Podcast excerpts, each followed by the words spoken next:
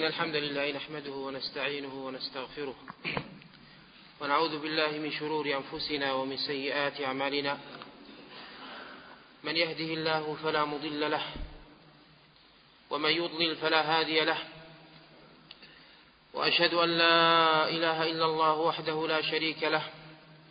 وأشهد أن محمدا عبد الله ورسوله صلى الله عليه وعلى آله وصحبه وسلم تسليما كثيرا. أما بعد أيها الإخوة في الله السلام عليكم ورحمة الله وبركاته. درسنا متعلق بالحج. وأذكر فيه أربعة مسائل مهمة. الأولى فضائل الحج والعمرة. والثانية حكم الحج. والثالثة شروطه. والرابعة أنواع الأنساك وأفضلها.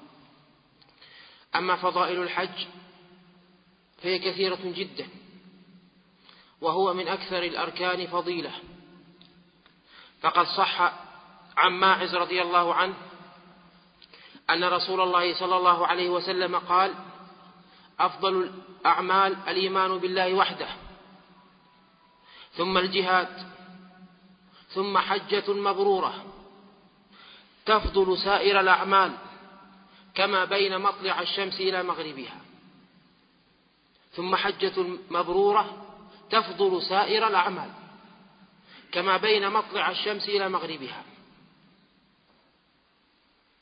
والحجة المبرورة جزاؤها قال صلى الله عليه وسلم وليس للحج المبرور جزاء إلا الجنة. وليس للحج المبرور جزاء إلا الجنة. أو الحج المبرور ليس له جزاء إلا الجنة. ولكن ما هو الحج المبرور؟ النووي رحمه الله قال هو الذي لا معصية فيه. يعني هو الذي لا يخالطه شيء من الإثم. والبخاري فسره بالمقبول. وهذا يعني التفسيران متلازمان. فالحج لا يكون مقبولا إلا إذا خلا من الآثام. وذكر بعض العلماء على أن الحج المبرور هو ما اشتمل على أربعة أوصاف. الوصف الأول الإخلاص والمتابعة. والثاني الشرط. الوصف الثاني الرزق الحلال. والثالث الخلو من المعاصي والآثام. والشرط والوصف الرابع والشرط الرابع الإحسان إلى الناس والتخلق بأخلاق النبي صلى الله عليه وسلم. فالأول الإخلاص لله والمتابعة لرسوله عليه الصلاة والسلام. ولذلك النبي عليه الصلاة والسلام لما حج حجته الأخيرة والأولى قال اللهم حجة لا رياء فيها ولا سمعة. وكان يقول في حجته خذوا عني مناسككم خذوا عني مناسككم. والحج من أظهر الأركان التي يتجلى فيها اتباع النبي صلى الله عليه وسلم. قال جابر ورسول الله صلى الله عليه وسلم بين أظهرنا فما عمل من شيء إلا وعملنا به. ثم النفقة الطيبة. كما في صحيح مسلم إن الله طيب لا يقبل إلا طيبا. ثم الخلو من المعاصي والآثام. فمن فرض فيهن الحج فلا رفث ولا فسوق. من حج فلم يرفث ولم يفسق رجع من ذنوبه كيوم ولدته أمه. والرفث هو ما يتعلق بأمر النساء. والفسوق المعاصي بأنواعها. ثم مخالطة الناس بالأخلاق الحسنة. قال ولا جدال في الحج. ومن تأمل في أحوال النبي صلى الله عليه وسلم في حجه رأى العجب من كمال الأخلاق وأتمها. فالحج المبرور هو الحج المقبول الذي لا يشوبه شيء من المعاصي. ولذلك قال عليه الصلاة والسلام من حج لله عز وجل وهذا إشارة إلى الإخلاص فلم يرفث ولم يفسق رجع من ذنوبه كيوم ولدته أمه والحديث الصحيحين وفي رواية غفر له ما تقدم من ذنبه. وقوله رجع من ذنوبه كيوم ولدته أمه يقول حافظ حجر ظاهره غفران الكبائر والصغائر والتبعات. يعني يمحى عن الإنسان كل ذنب. فيكون حاله كحال الإنسان حين يولد. ليس عليه أي سيئة. هكذا الحج. رجع من ذنوبه كيوم ولدته أمه. ولذلك قال عليه الصلاة والسلام تابعوا بين الحج والعمرة. فإنهما ينفيان الفقر والذنوب. كما ينفي الكير خبث الحديد والذهب والفضة. وقال عليه الصلاة والسلام مسح الحجر والركن اليماني يحطان الخطايا حطا. وقال عليه الصلاة والسلام ما من مؤمن يظل يومه محرما إلا غابت الشمس بذنوبه. ما من مؤمن يظل يومه محرما إلا غابت الشمس بذنوبه. وروى ابن مبارك بإسناده عن أنس رضي الله عنه أنه قال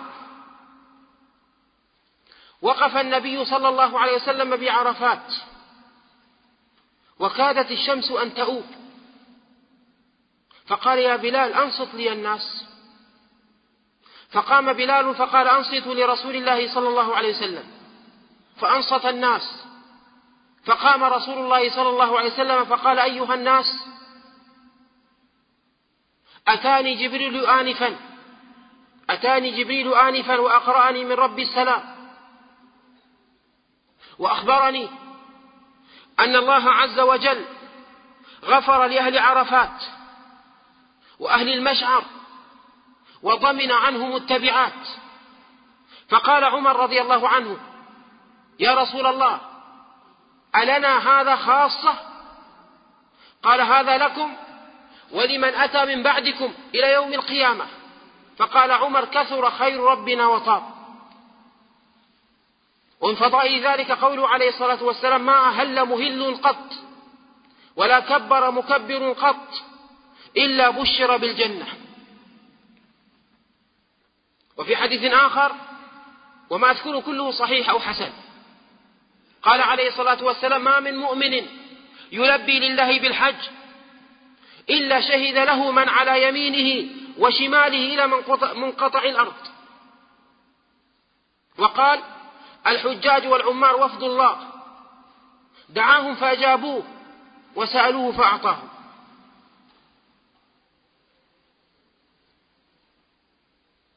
بل عند الطبراني وغيره. أن رجلين من الأنصار أتيا رسول الله صلى الله عليه وسلم. فأراد أن يسألانه عن أجرهما في الحج. فقال إن شئتما أخبرتكما. فجعل يحدثهما. فقال فإنك إذا خرجت من بيتك تؤم البيت الحرام؟ لا تضع ناقتك خفا ولا ترفعه إلا كتب الله لك به حسنة ومحى عنك به خطيئة وفي رواية وأما ركعتاك بعد الطواف كعتق رقبة من بني إسماعيل. قال وأما وقوفك بعرفة فإن الله عز وجل ينزل إلى السماء الدنيا فيباهي بكم الملائكة. يقول هؤلاء عبادي جاءوني شعثا غبرا من كل فج عميق يرجون رحمتي ويخافون عذابي ولم يروني فكيف لو رأوني؟ فلو كان عليك مثل رمل عالج أو مثل أيام الدنيا أو مثل قطر السماء ذنوبا غسره الله غسرها الله عنك. ثم يقول أفيضوا عبادي مغفورا لكم ولمن شفعتم له. وفي رواية يقول الله عز وجل يا ملائكتي ما جاء بعبادي؟ قالوا جاء يلتمسون رضوانك والجنة. فيقول الله عز وجل فإني أشهد نفسي وخلقي أني قد غفرت لهم. ولو كانت ذنوبهم عدد أيام الدنيا وعدد رمل عارج. قال وأما رميك الجمار قال الله عز وجل فلا تعلم نفس ما أخفي لهم من قرة أعين جزاء بما كانوا يعملون. وفي رواية أخرى فلك بكل حصاة رميتها تكفير كبيرة من الموبقات. فلك بكل حصاة رميتها تكفير كبيرة من الموبقات. وأما نحرك فمدخور لك عند ربك. وأما حلقك رأسك فإنه ليس من شعرك شعرة تسقط على الأرض إلا كتب الله لك بها حسنة ومحى عنك بها خطيئة. وفي رواية إلا كانت لك نورا يوم القيامة. وأما طوافك بعد ذلك في البيت بالبيت فإنك تطوف ولا ذنب لك ولا ذنب عليك. يأتي ملك حتى يضع يده بين كتفيك. يقول اعمل فيما تستقبل فقد غفر لك ما مضى. ولذلك قال النبي عليه الصلاة والسلام قال الله عز وجل إن عبدا أصححت له جسمه ووسعت عليه في معيشته تمضي عليه خمسة أعوام لا يفد إلي لمحروم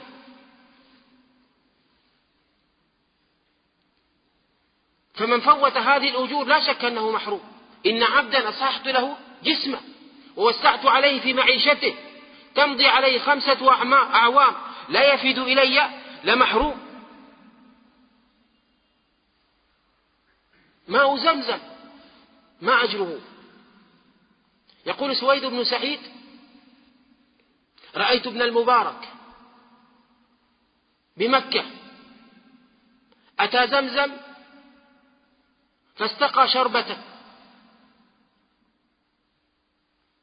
ثم قال اللهم إن ابن الموالي حدثنا. عن محمد بن المنكدر عن جابر عن النبي صلى الله عليه وسلم أنه قال ماء زمزم لما شرب له وهذا أشربه لعطش يوم القيامة. ثم شربه رضي الله عنه ورحمه. ابن عيين الإمام قال وقفت ثمانين موقفا أو شهدت ثمانين موقفا. وكان يأتونه على الأرجل أو على الرواحل من بلاد خراسان. يقول شهدت ثمانين موقفا.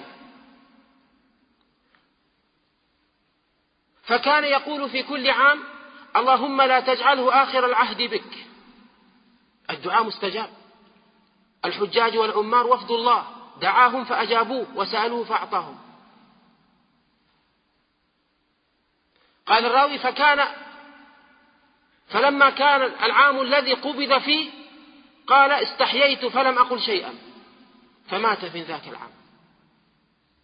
هذه أجور الحج. لا شك أنها كثيرة جدا. وأما حكمه فلا يخفى على واحد منكم.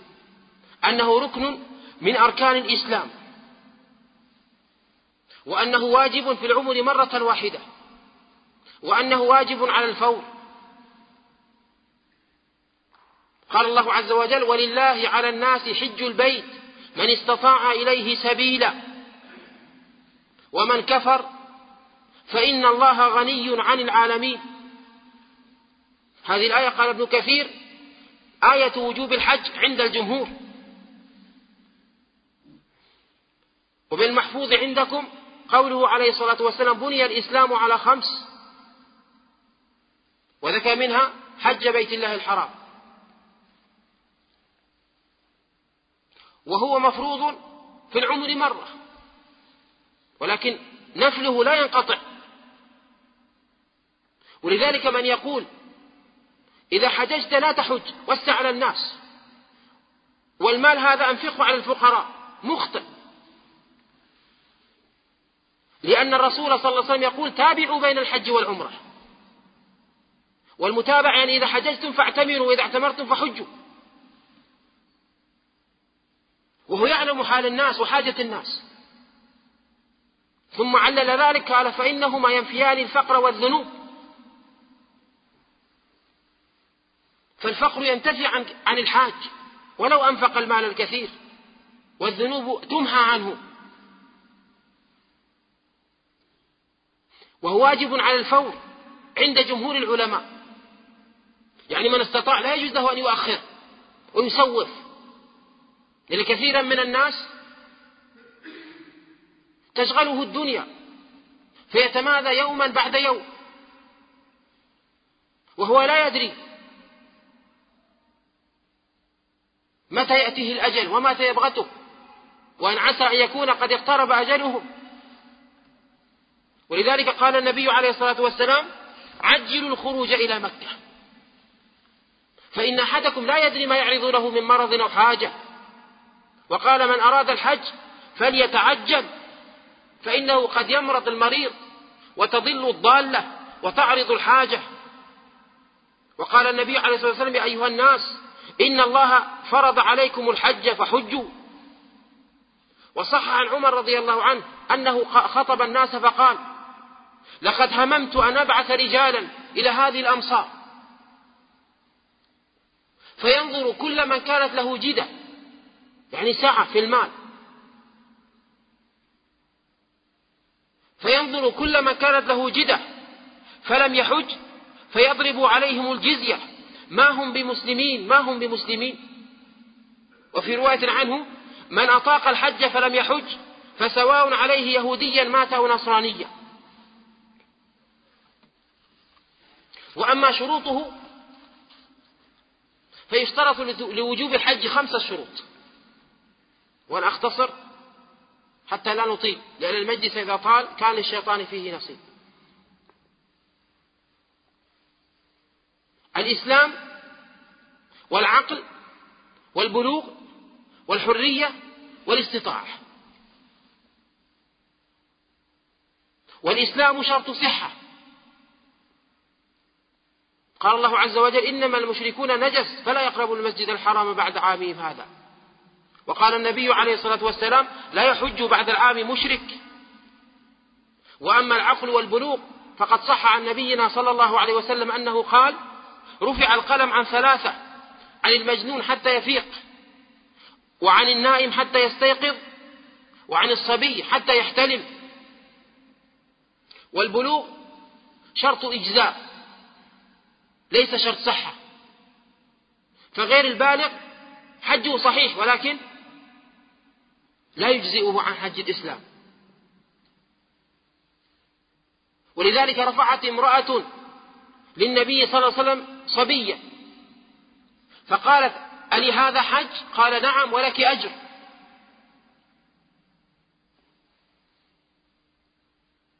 ولكن هنا مسألة.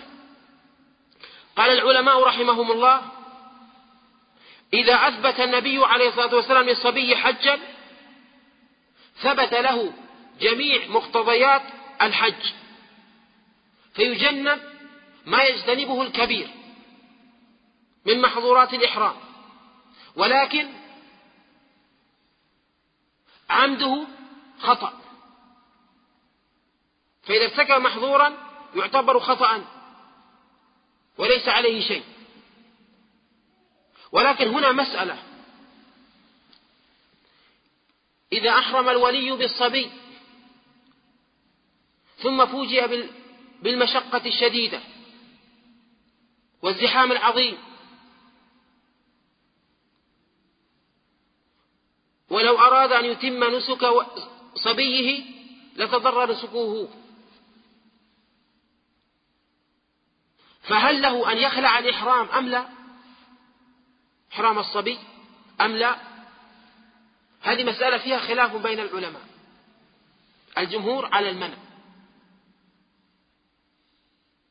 وقال الإمام أبو حنيفة ومعه بعض العلماء أن ذلك لا يلزمه لا يلزم يتم الإحرام لأنه غير مكلف ومرفوع عنه القلم. قال الشيخ ابن رحمه الله وهذا القول هو الأقرب للصواب. وأما الحرية فقال النووي رحمه الله أجمعت الأمة على أن العبد لا يلزمه الحج لأن منافعه مستحقة مستحقة لسيده فليس هو مستطيعا. ولذلك قال النبي عليه الصلاة والسلام أيما صبي حج ثم بلغ فعليه حجة أخرى وأيما عبد حج ثم عتق فعليه حجة أخرى. والشرط الخامس والمهم الاستطاعة. وهي القدرة على الحج بالمال والبدن. القدرة على الحج بالمال والبدن. فإن كان مستطيعا بماله عاجزا ببدنه ينظر في حاله. فإن كان عجزه طارئا فهذا ينتظر البر. وإن كان عجزه دائما فهذا يوكل من يحج عنه. فليس كل مريض يحج عنه. إنما المريض الذي يحج عنه هو الذي لا يرجى برؤه ولا يستطيع الحج بنفسه. فإذا كان عجزه دائما فهذا يحج عنه. وأما إن كان قادرا ببدنه دون ماله. يعني ماذا؟ يعني ماذا؟ فقير. ليس عنده مال. فهذا يقول العلماء عليهم رحمة الله لا يجب عليه الحج. ولكن هنا مسألة. هل يعطى من الزكاة حتى يحج؟ أو هل يقترض حتى يحج؟ يعني من كان عليه الدين هل يحج؟ يحج أم لا؟ أما إعطاه من الزكاة هل يعطى أم لا؟ سؤال لكم. يعطى من الزكاة. شيخ محمد يقول يعطى من الزكاة. مستحق للزكاة؟ لفقره أو لحجه؟ مستحق للزكاة. يخالفك الشيخ. يقول الشيخ ابن رحمه الله يقول القول الراجح أن الزكاة لا تصرف لحج الفقير الفريضة والنافلة. يقول وذلك أن الفقير لم يجب عليه الحج. وهذا هو الراجح. يعطى لفقره تجمع عنده ثم حج أمر آخر. أما يجمع له لأنه فقير الحج ساقط عنه والفقير نفقته أولى بالزكاة من الحج الذي ليس بواجب. أنا أفهم قصدك لكن لابد أن يوضح. يعني لا نعطيه من الزكاة ليحج لأن الحج ليس واجب عليه. فالشيء الغير واجب إعطاء الزكاة له دون الذي حاجته إلى الزكاة إلى الطعام والشراب. وأما المسألة الثانية من كان عليه دين هل يحج أو لا يحج؟ والناس في هذا الزمان قل من يسلم من الدين إلا من رحم الله. هنا يقول علماء الراجح أنه لا حج عليه سواء كان الدين حالا أم مؤجلا إلا في حالة واحدة. وهي إذا كان الدين مؤجلا وهو يغلب لم يحل بعد وهو يغلب على ظنه الوفاء إذا حل الأجل وعنده الآن ما يحج عنه ما يحج به. فهذا يلزمه الحج. يعني إنسان عليه دين إلى المصرف. ويدفع أقساط شهرية. وتجمع عنده مال. ولو حصل له شيء راتبه يبقى يمشي. هذا نقول له حج إذا اجتمع عندك مال. أما إذا ليس عندك مال تحج أو عليك دين يؤثر ذهابك يؤثر عليه فنقول لك لا تحج. ولكن قد يقول قائل أنا أستأذن صاحب الدين. نقول هذا لا يغير في الحكم شيئا لأن العبرة بانشغال الذمة ليس بسماح صاحب الدين. ومن القدرة أن تجد المرأة محرما لها في حجها. فهذا شرط لصحة الحج. شرط وجوب في الحج. لا أقول شرط صحة إنما شرط وجوب.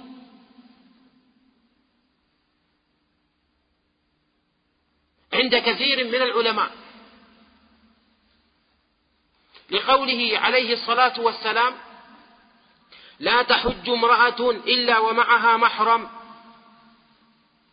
وهذا الحديث نص في هذه المسألة وحديث صحيح. قال حافظ بن حجر عنه قال رحمه الله فنص في نفس الحديث على منع الحج فكيف يخص من بقية الأسفار؟ وقد يسمع البعض منكم أنه إذا وجدت الرفقة الآمنة جاز الحج بلا محرم. فنقول هذا الأمر نفاه الرسول عليه الصلاة والسلام. فقد ثبت في الصحيحين أن رسول الله صلى الله عليه وسلم قال لا يخلون رجل بامرأة إلا ومعها ذو محرم ولا تسافر امرأة إلا ومعها ذو محرم فقال رجل يا رسول الله إني اتتبت في غزوة كذا وكذا وإن امرأة طلقت حاجة. قال فحج مع امرأتك. وفي رواية إني نذرت أن أخرج في جيش كذا وكذا. يعني أن الجهاد كان عليه واجب نذر. قال انطلق فحج مع امرأتك فلو لم يكن شرطا لما أسقط عنه النبي هذا الواجب. ومن يقول الرفقة الآمنة تجزئ نقول هنا وجدت رفقة آمنة أم لا؟ وجدت أم لا؟ هنا المرأة مع ما خرجت؟ مع الصحابة. وهل رفقة آمن من رفقة الصحابة؟ بل العرب في جاهليتهم كانوا يستأمنون الرجل على المرأة من مكة إلى المدينة لا يقربها. ومع ذلك مع الرفقة الآمنة قال الرسول انطلق فحج مع امرأتك.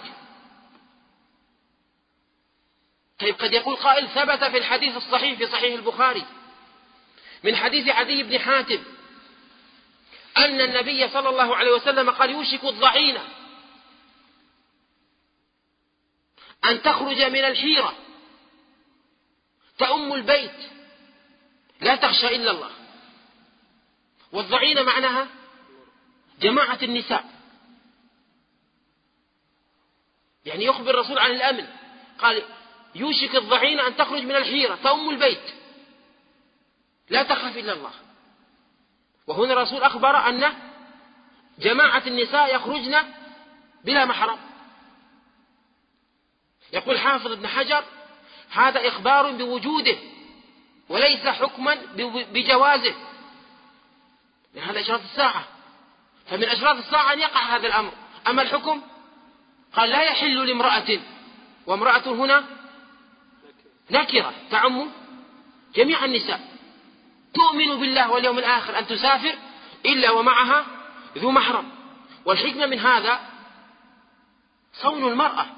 ولذلك الفقهاء يشترطون في المحرم شرطين اثنين. الشرط الأول أن يكون بالغا والشرط الثاني أن يكون عاقلا.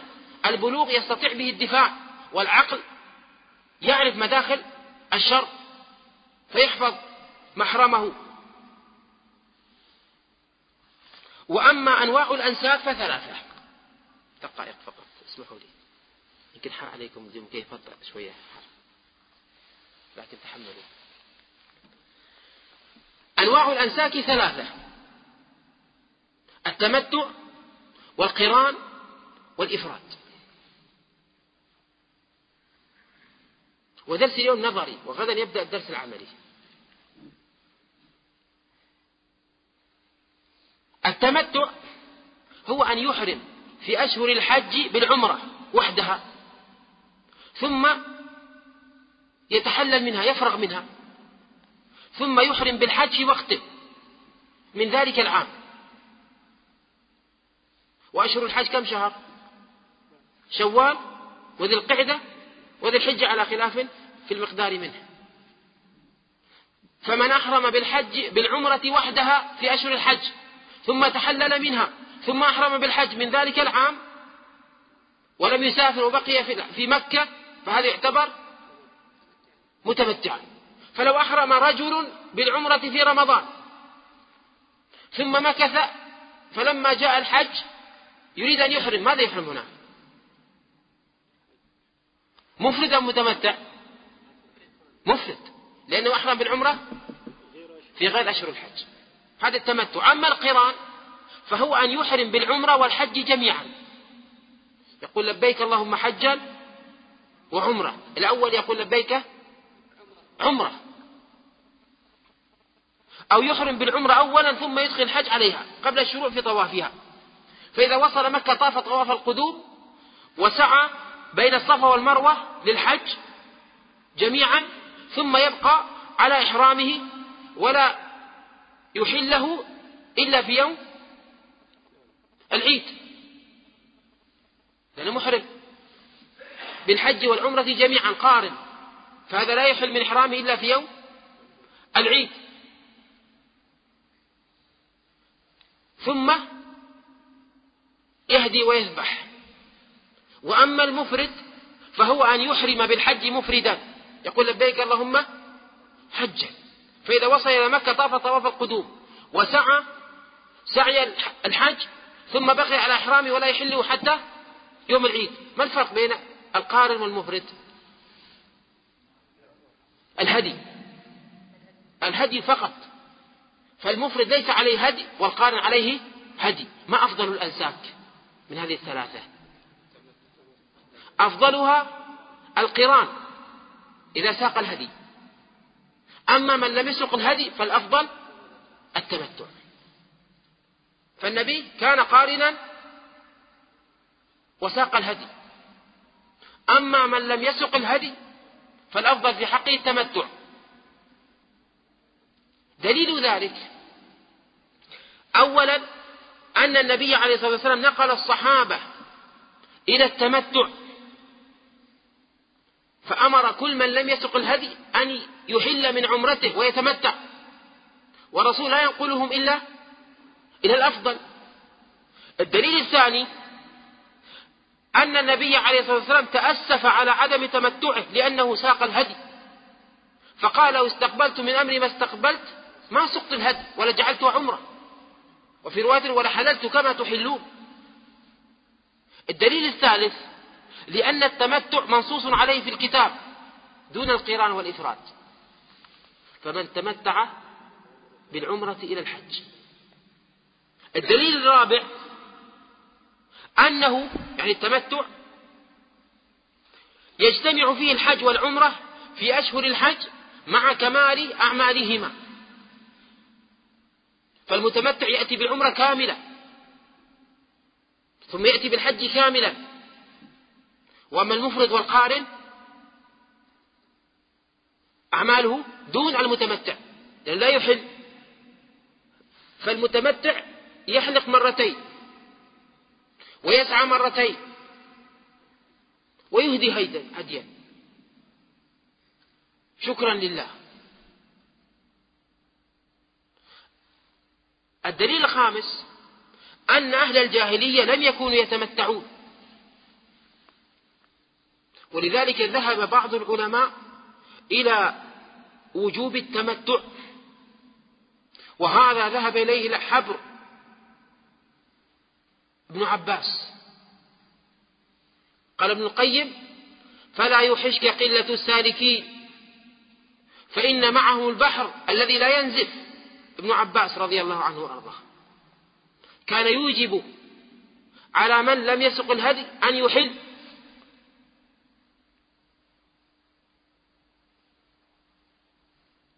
وهذا الذي اختاره ابن القيم رحمه الله. ونصره بقوة. وذلك أن النبي عليه الصلاة والسلام غضب على الصحابة حين لم يحلوا.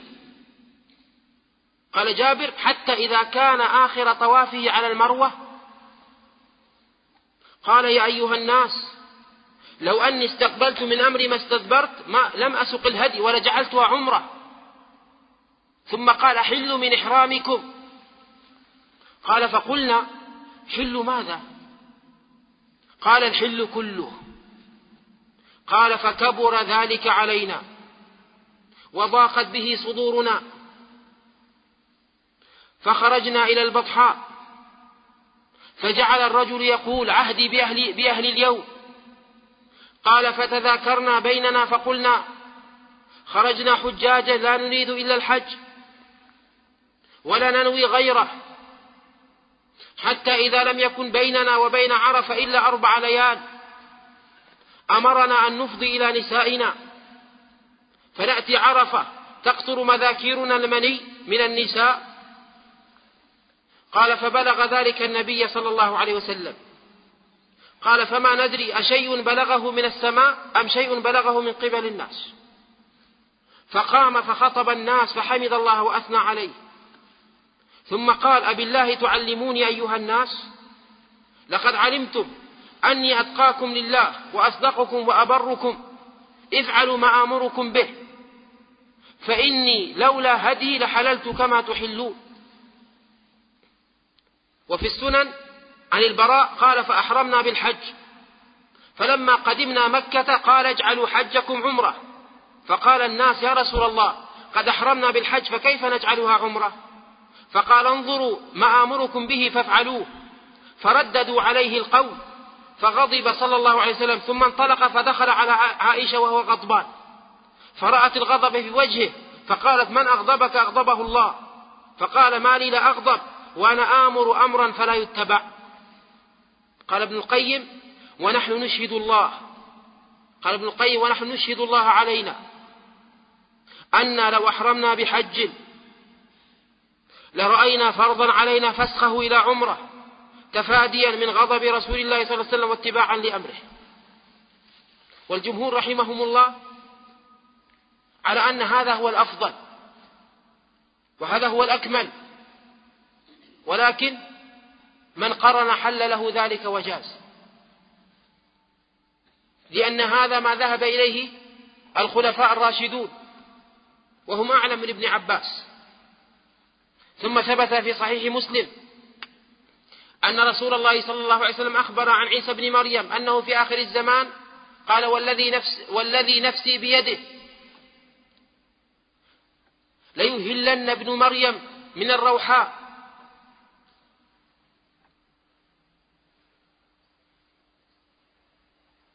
إما متمتعا أو مفردا أو ليثنيهما. فذكر الأنساك الثلاثة. ولا شك أن الذي أحرم ولم يسق الهدي هو الذي ينبغي له أن يحل. هذا الذي ينبغي له وهو الأكمل ومذهب كثير من العلماء.